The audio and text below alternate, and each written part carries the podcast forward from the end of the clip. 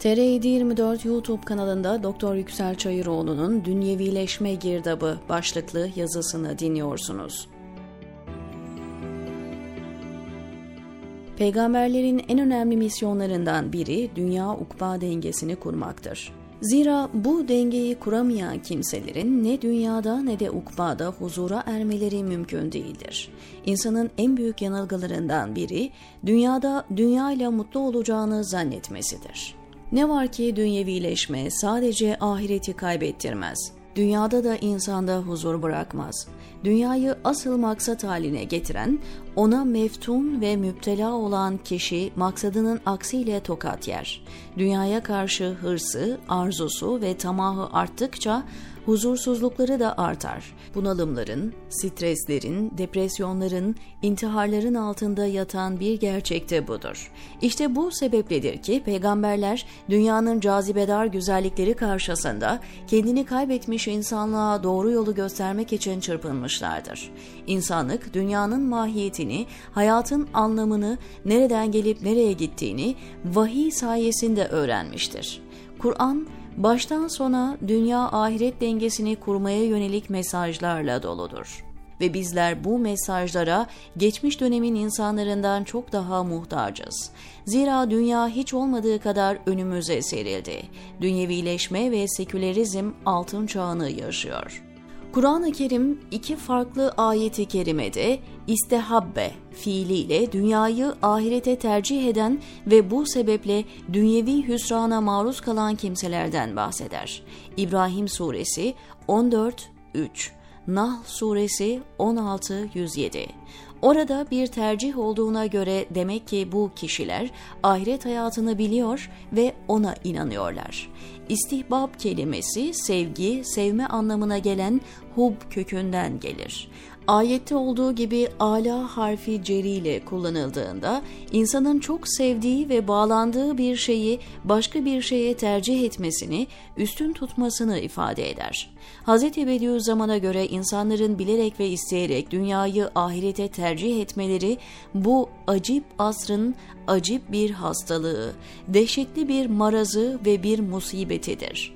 O, eserlerinin farklı yerlerinde dünya hayatını bilerek ve severek ahirete tercih etmenin, yaşadığımız asrın en önemli özelliklerinden biri olduğu üzerinde durmuş ve konuyla ilgili önemli ikazlar yapmıştır.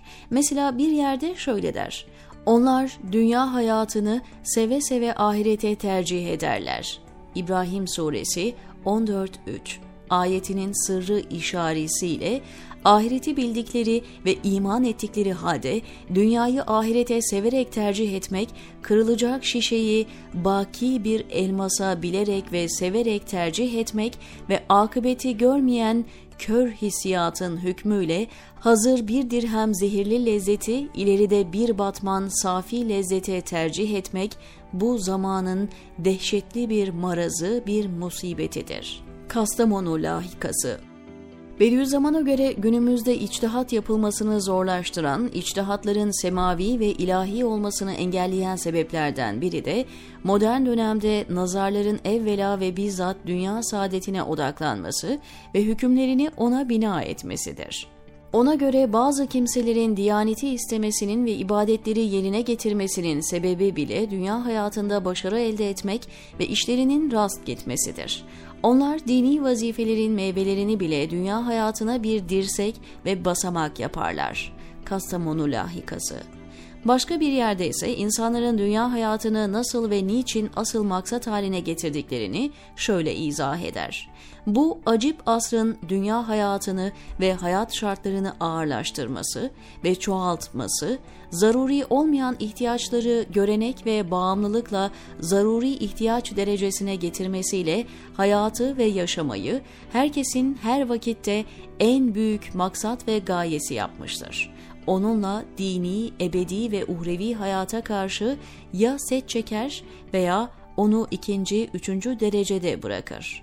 Tarihçeyi hayat Kur'an-ı Kerim, sakın dünya hayatı sizi aldatmasın. Lokman Suresi 31-33 buyursa da aldanan aldanana. Zira bütün telkinler dünyaya ve dünyalıklara yöneliyor. Nefisler kışkırtıldıkça kışkırtılıyor. Bütün himmet ve gayretler başarı, kariyer ve paraya odaklanıyor. Büyümek, daha çok büyümek, karı maksimize etmek için her yol deneniyor. En büyük hedef kaliteli ve mutlu bir hayat yaşayabilmek.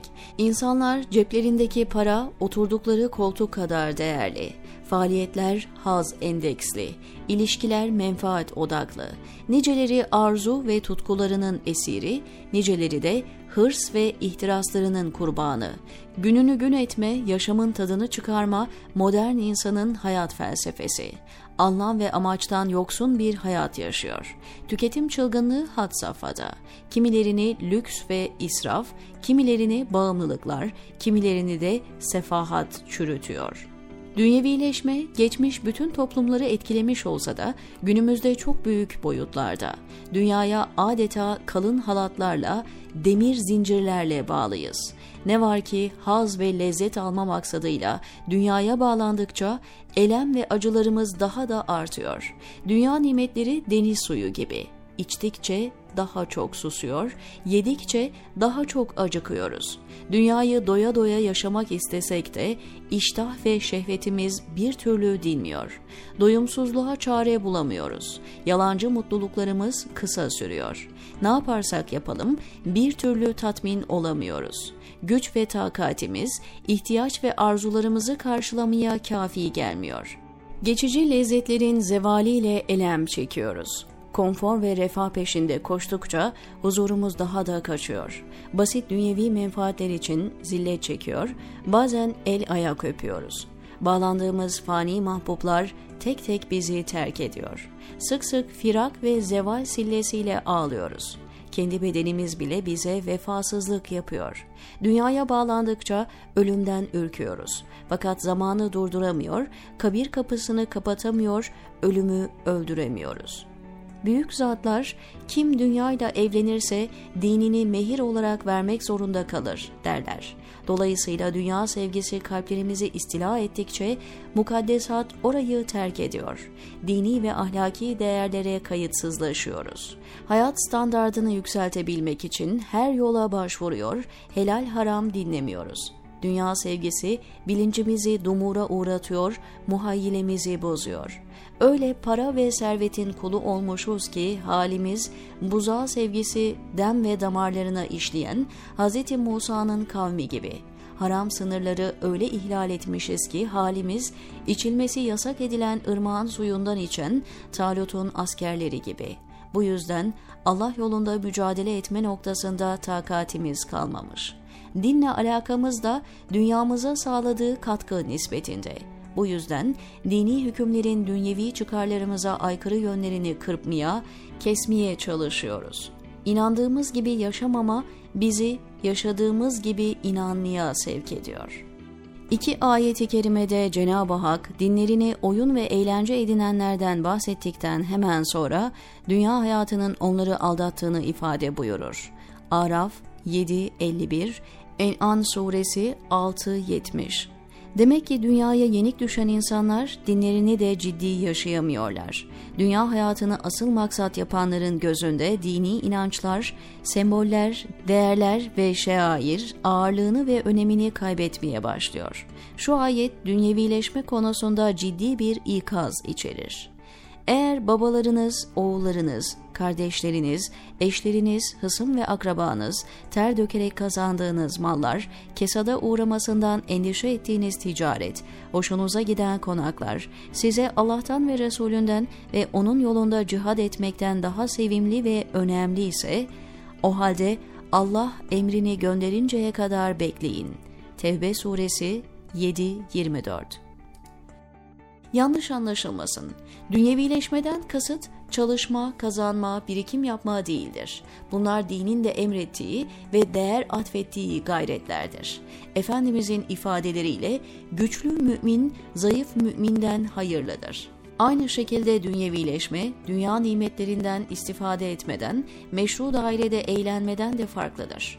Kur'an'ın ifadesiyle Allah'ın helal kıldığı rızık ve nimetleri haram kılmak kimsenin haddine değildir. Kur'an bizlere ahiretin yanında dünyanın da iyiliğini talep etmemizi emreder. İslam'da hiçbir şekilde tembellik ve miskinliğe yer yoktur. Efendimiz dünyadan el etek çeken bazı sahabileri şiddetle ikaz etmiştir. Dünyevileşme daha çok zihin ve kalp dünyasıyla ilgilidir bir çeşit paradigma değişimidir. Neyi merkeze aldığımıza, neye ne kadar değer verdiğimize göre ölçülür. Dünyevileşme, yukarıdaki ayet-i kerimelerde de görüldüğü üzere insanın bilerek ve severek dünya hayatını ahirete tercih etmesidir. İnsanın dünyaya çakılıp kalması, bu yüzden Allah'ın emir ve buyruklarından uzaklaşmasıdır. Tevbe suresi 9-38 Azlığına bakmadan hazır ve peşin lezzetleri ahiret lezzetlerine tercih etmesidir. Dünyevileşme, ilginin sadece dünyaya yönelmesi ve dünyanın yegane hedef haline getirilmesidir. Dünya ahiret dengesinin dünya lehine bozulmasıdır. Hz. Mevlana, insanla dünya malının münasebetini gemiyle denizin misaline benzetir.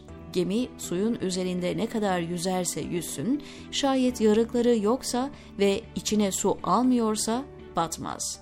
Aynen bunun gibi insan da dünyada ne kadar çalışıp mal sahibi olursa olsun şayet kazandıkları kalbinde yer etmezse ona bir zararı olmaz.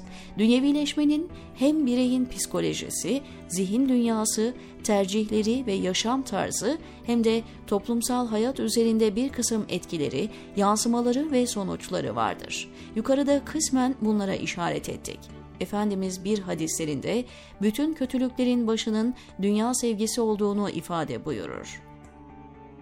Zira dünya sevgisi kalpteki Allah korkusunu giderir, ahireti unutturur, gaflete sebep olur. Hesap kitap endişesi olmayan insanlar nefse emarenin güdümüne girerler. Günümüzdeki zulümlerin, kavgaların, fitne ve fesadın arkasında ahireti unutup dünyayı maksudu bizzat yapan kimseler vardır.'' Dünyevi imkanlar ve makamlar insanların arzu ve isteklerini karşılamaya kafi gelmediği için çatışma ve mücadeleler ortaya çıkar. Dünyevileşme insanların şahsiyet ve karakterini etkiler. Cenneti burada yaşamak isteyen kimseler arzu ettikleri güç, haz ve menfaatleri elde etmek için her kalıba girerler. Dünyevi hedeflerine ulaşma adına çiğnemedik sınır, ihlal etmedik değer bırakmazlar. Bütün ilgilerini kendilerine, kendi arzu ve isteklerini tatmine çevirir, başkalarına karşı duyarsızlaşırlar. Dini bile dünyalarına basamak yaparlar. Kur'an'ın ifadesiyle sahip olunan dünyalıklar tekasür ve tefahür vesilesine dönüşür. Yani dünyalık elde etme ve biriktirme konusunda çokluk yarışına girer ve bunlarla övünürler. Toplum, dünyevi imkanların şımarttığı gösteriş budalalarıyla dolar. İnsanların değeri kazandığı ve satın aldığı eşyalarla ölçülür. Kazanmak için her yol meşru görüldüğü gibi eldekini kaybetmemek için de cimrilik yapılır. Dünya perest kimseler ne kadar güçlü, bilgili, zengin ve varlıklı olurlarsa olsun, gözleri hep kendinden yukarıdakilere takılır. Lüks ve refah içinde yaşayanlara özenir, onlar gibi olmak isterler. Hatta onları gördükçe içlerini haset ve kıskançlık ateşi kaplar. Dünyevi nimetler onları şükür ve hamde değil, küstahlık ve kibre sevk eder. İster bilgi, ister makam, isterse servet açısından olsun güçlendikçe zehirlenirler. Hadiste de belirtildiği üzere dünya hayatı insan açısından oldukça tatlıdır, çekicidir, caziptir. İnsan mahiyeti itibarıyla dünya malına, eğlenceye meyilli yaratılmıştır. Dünya insanın iştah ve arzusunu çeken türlü türlü nimetlerle donatılmıştır. Dünya ile insan nefsi arasında müthiş bir çekim gücü vardır. İnsandaki hırs, tamah, tevehhümü ebediyet ve tuli emel gibi duygular da onu dünyaya çağırır. Hele hele modern dönemde insanı dünyaya çağıran ve sevk eden o kadar çok sebep vardır ki, bütün bunlar karşısında insanın dünyaya dalmaması gaflete düşmemesi, gönlünü dünyaya kaptırmaması ve yaratılış gayesini unutmaması için vahyin sesine kulak vermesi elzemdir. Dünyevileşme belasından kurtulmanın öncelikli yolu, dünyanın öz ve mahiyetini, onun ahiret karşısındaki yer ve konumunu kavramaktan geçer. Kur'an-ı Kerim onlarca ayetinde dünya hayatı üzerinde durur, onun kısalığına, faniliğine ve geçiciliğine dikkatleri çeker, bir oyun ve oyalanmadan ibaret olduğunu belirtir. Mesela şöyle buyurur. İyi bilin ki dünya hayatı bir oyundur, bir oyalanmadır, bir süstür. Kendi aranızda karşılıklı övünme, mal ve nesli çoğaltma yarışıdır. Hadid suresi 57-20 Dünya nimetleri ve lezzetleri insanın meyil ve arzularını tatmin etmez, doyurmaz, ondaki ebedilik duygusuna cevap vermez. Dünyada elemsiz lezzet yoktur. Bediüzzaman Hazretleri'nin ifadesiyle dünya çok gaddardır, mekkardır. Bir lezzet verse bin elem çektirir. Bir üzüm yedirse yüz tokat vurur. Dünya nimetleri cennet nimetlerinin bir numunesidir, örneğidir. Bu yüzden dünyadaki nimetlerden istifade ancak tatmaktan ibarettir. Doymaysa cennettedir. Dünya insanın ebedi kalacağı bir karargah değildir. İnsan denen yolcunun kısa süreliğine uğradığı bir handır, bir misafirhanedir. İnsanın ahirete azık tedarik etmesi için ekip biçmesi gereken bir tarladır. Dinin emir ve yasaklarına riayet etmekle sorumlu olduğu bir imtihan meydanıdır. Allah'ın isim ve sıfatlarının tecelli ettiği bir kitap, kevni ayetlerin ve ilahi sanatların teşhir edildiği bir meşherdir. İnsana düşen de onu doğru okumak ve anlamaktır. Görüldüğü üzere dünyanın bizatihi kendisinde bir kötülük yoktur.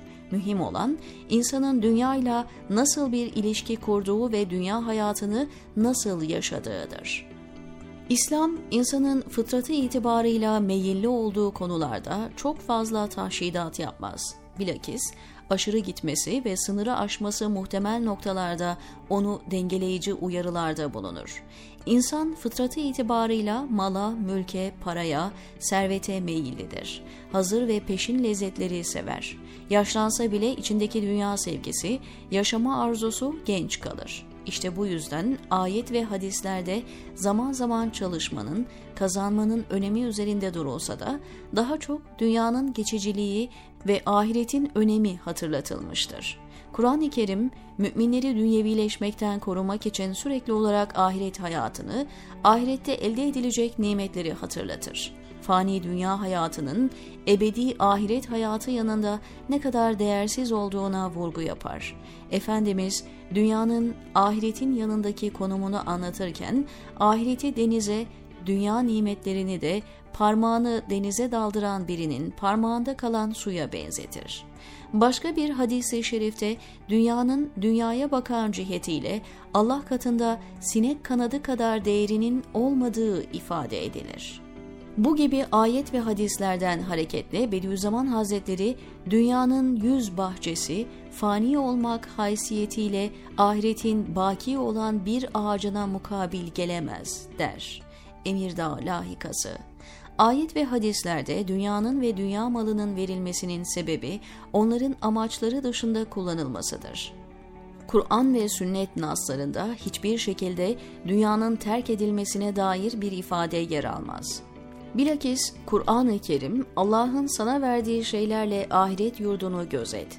Dünyadaki nasibini de unutma buyurmak suretiyle dünyanın ihmaline karşı müminleri uyarır. Fakat aynı zamanda dünya ve ukba arasında çok hassas bir denge kurar. Bu ayete göre insan sahip olduğu tüm imkan ve kabiliyetleri öncelikle ahiret yurdunu elde etme istikametinde kullanacak fakat bu arada dünyayı da ihmal etmeyecektir ayet-i kerimenin üslubuna dikkat edilecek olursa İslam'ın neye ne kadar ehemmiyet verdiği net olarak anlaşılır. Bütün bunların yanında insanın ölümü tefekkür etmesi, yaşantısında zühd ve takvayı esas alması, kanaat ve istinayı kendisine düstur edinmesi, ne kadar varlıklı da olsa sade ve basit bir hayat yaşaması, bol bol infakta bulunması, sürekli Allah'ı anması ve hatırlaması gibi dini esaslar da dünyevileşmenin önündeki önemli bariyerlerdir. Yazıyı Bediüzzaman'a ait şu sözle bitirelim. Ahirette seni kurtaracak bir eserin olmadığı takdirde fani dünyada bıraktığın eserlere de kıymet verme. Mesnevi Nuriye diyor Yüksel Çayıroğlu TR724'deki yazısında.